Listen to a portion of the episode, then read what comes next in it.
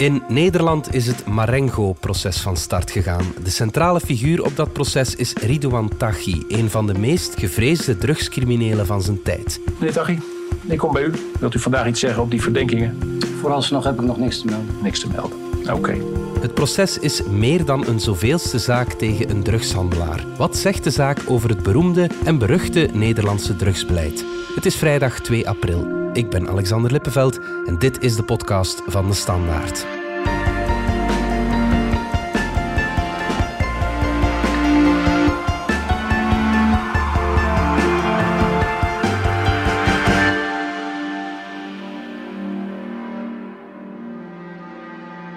Jan Meus, misdaadjournalist bij onze Nederlandse zusterkrant NRC.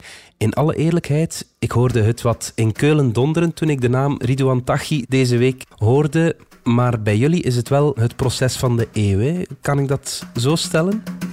Nou ja, we zijn pas in jaar 21, dus we moeten nog 79 jaar volgen. Maar tot dit moment is het wel uh, de grootste strafzaak die ooit in Nederland gediend heeft. Ja. Ridouan Taghi is de hoofdverdachte. Mhm. Er zijn 16 medeverdachten en dan nog eens uh, gaat het om zes moorden en nog een hele serie pogingen en voorbereidingen daartoe. Ja. Dus het is in die zin absoluut de grootste zaak ooit. Ja, bij ons wordt het wel een drugsproces genoemd, maar eigenlijk gaat het niet om die handel in drugs. Hè. Het gaat om die moorden. Ja, ja, dat is een beetje de paradox. Volgens het Openbaar Ministerie en heel veel mensen in het criminele milieu is Taghi betrokken geweest bij grootschalige smokkel van cocaïne. Mhm. Daar heeft hij uh, veel geld mee verdiend. Net als Mhm. vroeger toen hij wat jonger was uh, met smokkel van hash. Mhm. Uh, maar hij staat nu terecht voor uh, die moorden. Mhm. En die, nou, die komen allemaal voort uit dat drugsmilieu. Ja. Maar de drugs zelf, die zijn helemaal niet alleen naar de achtergrond verdwenen, die zijn eigenlijk helemaal uit de telastlegging verdwenen. Deze zaak draait onder andere om de verklaringen van een kroongetuige. Die heet Nabil B. En die is wel bekend geworden omdat op enig moment zijn broer is vermoord en later ook zijn advocaat is vermoord. En die Nabil die, uh, is zelf actief geweest in dat cocaïnemilieu, met name in en om Utrecht. Nou, op een gegeven moment wilde hij daar zelf geen vragen meer over beantwoorden. Omdat hij Ja. zei van luister, ik heb een deal gesloten met het Openbaar Ministerie. Daarin staat dat ik moet verklaren over moord en doodslag. Waar ik getuige van ben geweest of waar ik zelfs aan heb meegedaan. Maar in die deal staat niks over drugs. Dus ik wil daar niks meer over zeggen. Nou, wat heeft het Openbaar Ministerie toen gedaan? Toen hebben ze die beschuldiging van cocaïnehandel uit die criminele organisatie geschreven. Dat kan in Nederland. En dat betekent eigenlijk gewoon dat het alleen nog maar relevant is als, als omstandigheid, maar niet meer als eh, strafbaar feit. Laten we even kijken naar die centrale figuur, die Ridouan Taghi. Wie is dat eigenlijk?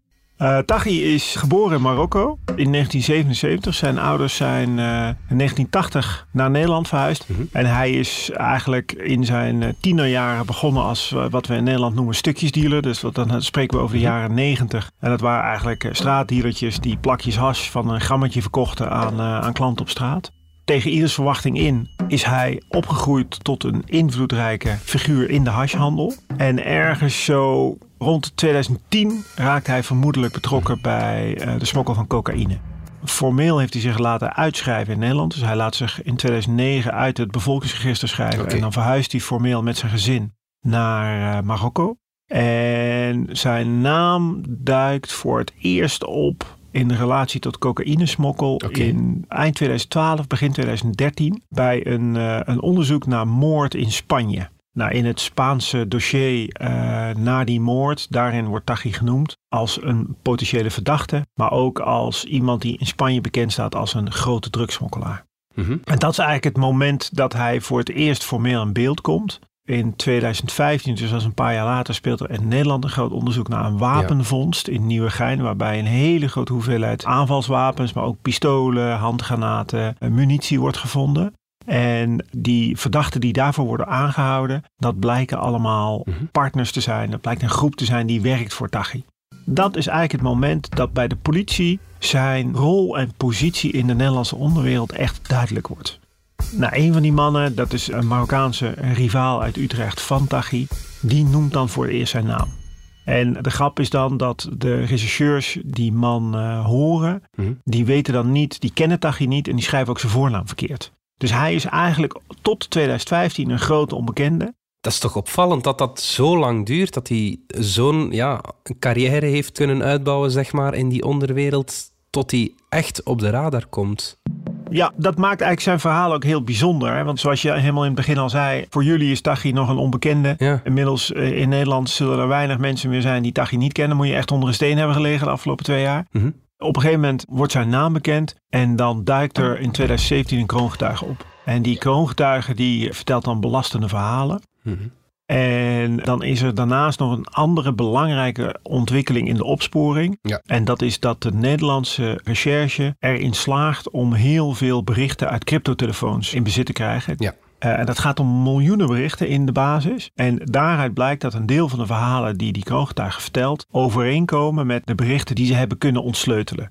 Ja. En dan kunnen ze ook vrij snel kunnen ze Tachi identificeren als een van de gebruikers van zo'n telefoon. Mhm. Daarna wordt de broer van die kroongetuige wordt vermoord. En het saillante is dat die kroongetuige daarvoor heeft gewaarschuwd van jullie weten niet met wat voor extreem gewelddadige mensen we hier van doen hebben. En dan eh, gebeurt eigenlijk hetgene wat niemand ook had kunnen bedenken. Dan wordt in september van 2019 wordt de advocaat van de kroongetuige, Dirk Wiersum, wordt ook vermoord. Dat leidt eigenlijk tot een intensivering van de zoektocht. En die zoektocht die leidt al vrij snel naar Dubai, waar hij zich dan vermoedelijk bevindt. En uiteindelijk kunnen ze dan met behulp van de Dubai Police eh, kunnen ze hem arresteren. En dat gebeurt dan eind 2019.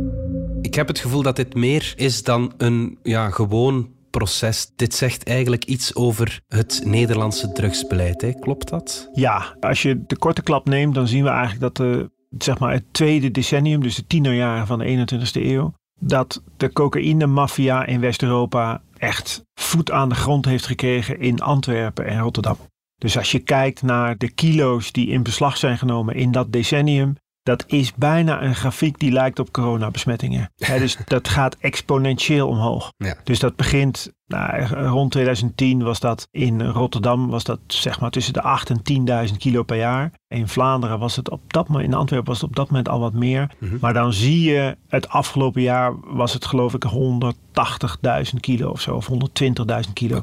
Dus dat is echt, in, in 10 jaar tijd is dat ruim vertienvoudigd. Mhm. Nou goed, voor de luisteraars is het goed om te weten dat voor smokkelorganisaties zijn Antwerpen en Rotterdam één. De recherche in Nederland en ook in Vlaanderen gaan ervan uit dat alles wat in Antwerpen binnen wordt gebracht aan cocaïne, dat eh, nou, circa 80% van die smokkel, dat die georganiseerd is door criminele organisaties die in Nederland geworteld zijn. Dus we zien zeg maar eigenlijk dat cocaïne de motor is van de onderwereld in eh, de lage landen. Mhm. En nou, dat is een ontwikkeling die zich vanaf het begin van deze eeuw heeft voorgedaan. En die dus sinds zeg maar ruwweg 2010, kan ook 2009 of 2011 zijn, enorm is versneld. En hoe komt dat dat hier zoveel cocaïne binnenkomt? Nou, dat heeft naast zeg maar lokale verklaring, heeft dat ook een geopolitieke verklaring. Ja. En dat is namelijk het vredesverdrag met de FARC. Wat in, zeg nu uit mijn hoofd, 2012 is eh, gesloten tussen de Colombiaanse regering en de FARC. Ja. En dat leidde ertoe dat de Amerikanen zijn gestopt met het platbranden van cocaïneplantages in Colombia. En dat leidde dus tot heel veel meer aanbod van cocaïne. Eh Colombianen die hadden daarvoor al besloten van eh, Amerika als groeimarkt bestaat niet meer. Hè. Dat is een voldragen markt. Dus wij gaan onszelf richten op West-Europa. Dus waar we nu eigenlijk naar kijken is de uitkomst van eh, drie ontwikkelingen. Een goed georganiseerde criminele onderwereld in Nederland en in Vlaanderen. Extra aanbod van cocaïne door politieke ontwikkelingen in Colombia. En de Colombiaanse kartels die hebben besloten West-Europa wordt onze nieuwe groeimarkt. Hoe komt het dat die drugswereld hier in Vlaanderen en Nederland dan zo goed georganiseerd is? Dan gaan we één stap verder terug in de tijd. Ja, en dan kom je vrees ik uit bij eh, een woord. Ik weet niet of jullie in Vlaanderen dat gebruiken, maar wij hebben in Nederland het woord gedogen. Nou, dat gedoogbeleid dat heeft in Nederland in 1975 heeft dat postgevat. Nou, om één snel voorbeeld, waar leidt dat bijvoorbeeld toe? Eh, in 75 zijn er in Nederland minder dan 10 coffeeshops. Ja. 15 jaar later zijn dat er 1500. Oké, ja. Om even orde van grootte aan te geven. We hadden op dat moment, in die tijd hadden we in Terneuzen, eh, de koffieshop die heette Checkpoint. Daar kwamen op het hoogtepunt 2000 klanten per dag. Dat bedrijf was in Terneuzen op, de, op het hoogtepunt ergens, zeg maar, in de midden, eh, ergens in de midden van de jaren 90. Was dat bedrijf een van de grootste werkgevers van Terneuzen. Groter dan de HEMA. Oké. Die drugsmarkt die is dus enorm gegroeid. De paradox is dus dat zeg maar, de, de verkoop eh, wordt Mhm. toegestaan. Hè? Dus het is niet legaal, maar het wordt toegestaan. Maar de bevoorrading van die coffeeshops, die is niet legaal. Die is illegaal. Dus eigenlijk heeft dat gedoogbeleid die onderwereld een verdienmodel opgeleverd wat ongekend was. Dat is eigenlijk door de politiek in de schoot van die misdaad geschoven. Dus er zijn in Nederland zeg maar tussen 1975 en eh, 1990 honderden criminele groepen opgestaan die miljoenen verdiend hebben met eh, de smokkel van en de verkoop van hash en later eh, wiet. Nou, dat is de eerste stap. Dan komt in eh, zeg maar 1985 komt in Nederland de pillenindustrie op. Ook daarvoor geldt dat wordt een miljoenenbusiness. Dus de ecstasy wordt naast de wiet en de hash een nieuw verdienmodel. Dus wat je krijgt is zeg maar een groep vermogende eh, mensen, mensen met veel geld, eh, verdient met die drugshandel. Die handelen net als andere mensen met geld. Die gaan op zoek naar waar kan ik mijn geld in investeren. Maar een deel van dat geld wordt opnieuw belegd, geïnvesteerd in criminele activiteiten. Ja.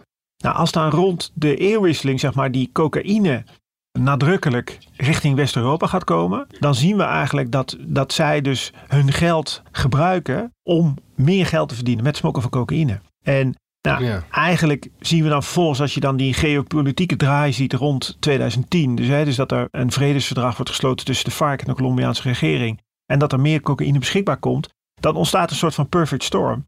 En waar we in Ja. zeg maar, de zaak van Taghi, maar bijvoorbeeld ook in die Sky X-zaak eh, in België nu naar kijken, is de uitkomst van die perfect storm. Een waanzinnig grote, goed georganiseerde onderwereld die massaal eh, geld verdient met de smokkel van cocaïne. Nu is Ridouan Taghi gevat, een van de grootste smokkelaars van Nederland. Is dat dan genoeg om die drugswereld lam te leggen?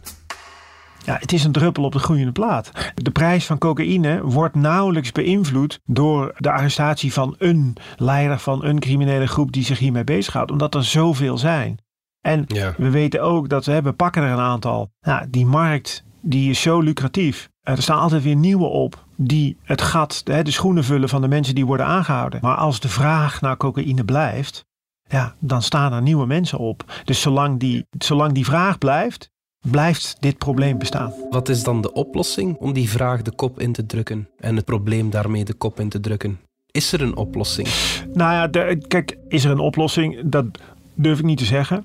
Feit is dat we in Nederland kijken naar eh, bijna 50 jaar beleid op het gebied van eh, het gedogen van, van bepaalde drugs en een verbod op harddrugs.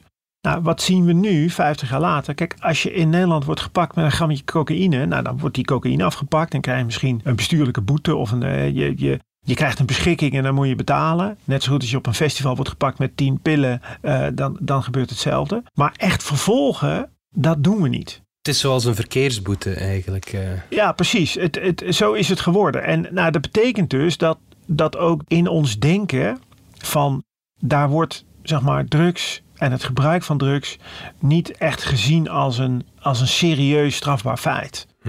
Waar we dus mee kampen is eigenlijk dat we hebben gezegd van ja, cocaïne gebruiken mag niet. Dat is strafbaar. Maar dat is een norm die door een groot deel van de Nederlandse bevolking eigenlijk niet gedragen wordt. Hm. Dat is, en dat wil niet zeggen dat iedereen gebruikt, eh, maar dat wil ook niet zeggen dat, dat mensen die niet gebruiken, dat die vinden dat het verboden moet worden. Hm. Dus wat je eigenlijk ziet in Nederland is dat er een norm is die moet worden gehandhaafd, die door de bevolking niet gedragen wordt. Ja. Nou, we kennen dit fenomeen, eh, namelijk uit het Amerika van de jaren 20 en 30 van de vorige eeuw. Ja. De drooglegging. Ja. Daar was eigenlijk precies hetzelfde aan de hand. En nou goed, er is uiteindelijk is daar een groep knappe koppen gaan nadenken over wat is nou eigenlijk de kern van het probleem en hoe kunnen we dit aanpakken. En uiteindelijk heeft dat geleid tot het terugdraaien van het verbod op het vervoeren en consumeren van alcohol in de Verenigde Staten.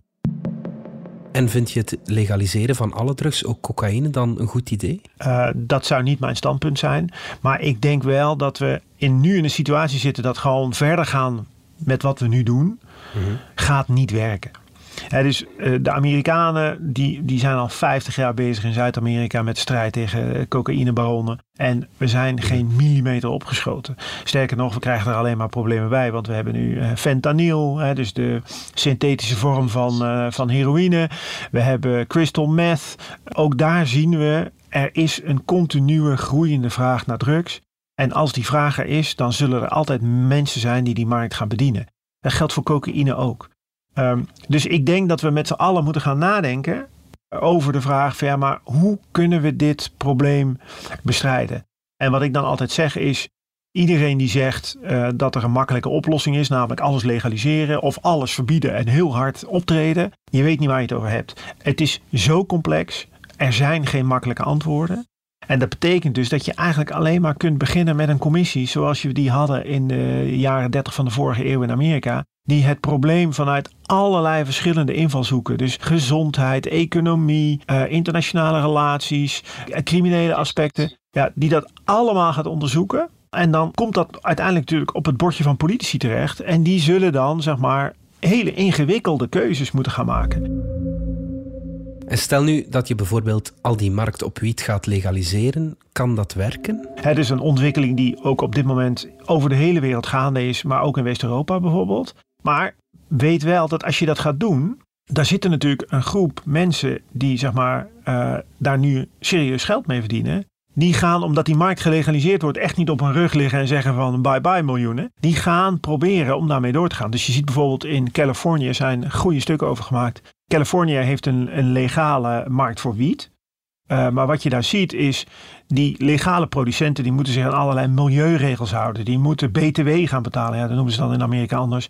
Ze moeten gewone belasting betalen. Dus je ziet dat die illegale producenten toch altijd een voordeel hebben, omdat zij zich niet aan de regels hoeven te houden. Dus dat betekent, om de legale producenten en verkopers van wiet een kans te geven, moet je die illegale wel echt de markt uitdrukken. Want anders dan, dan houden zij het gewoon vol. Dan zijn ze goedkoper dan hun legale concurrenten. En dan zal die legale uh, wietsector uiteindelijk het loodje leggen. Dus het idee dat als je iets legaliseert, dat je daarmee de politie vrij kunt maken van andere taken, think again. Ja, dat gaat dan over wiet, over softdrugs. Maar wat als je ook harddrugs gaat legaliseren? Dat is toch een heel andere discussie. Hè? Als we het dan over cocaïne of heroïne hebben, ja, dan kom je ook op allerlei hele ingewikkelde normatieve uh, vraagstukken terecht. Ik heb twee kinderen, uh, tieners.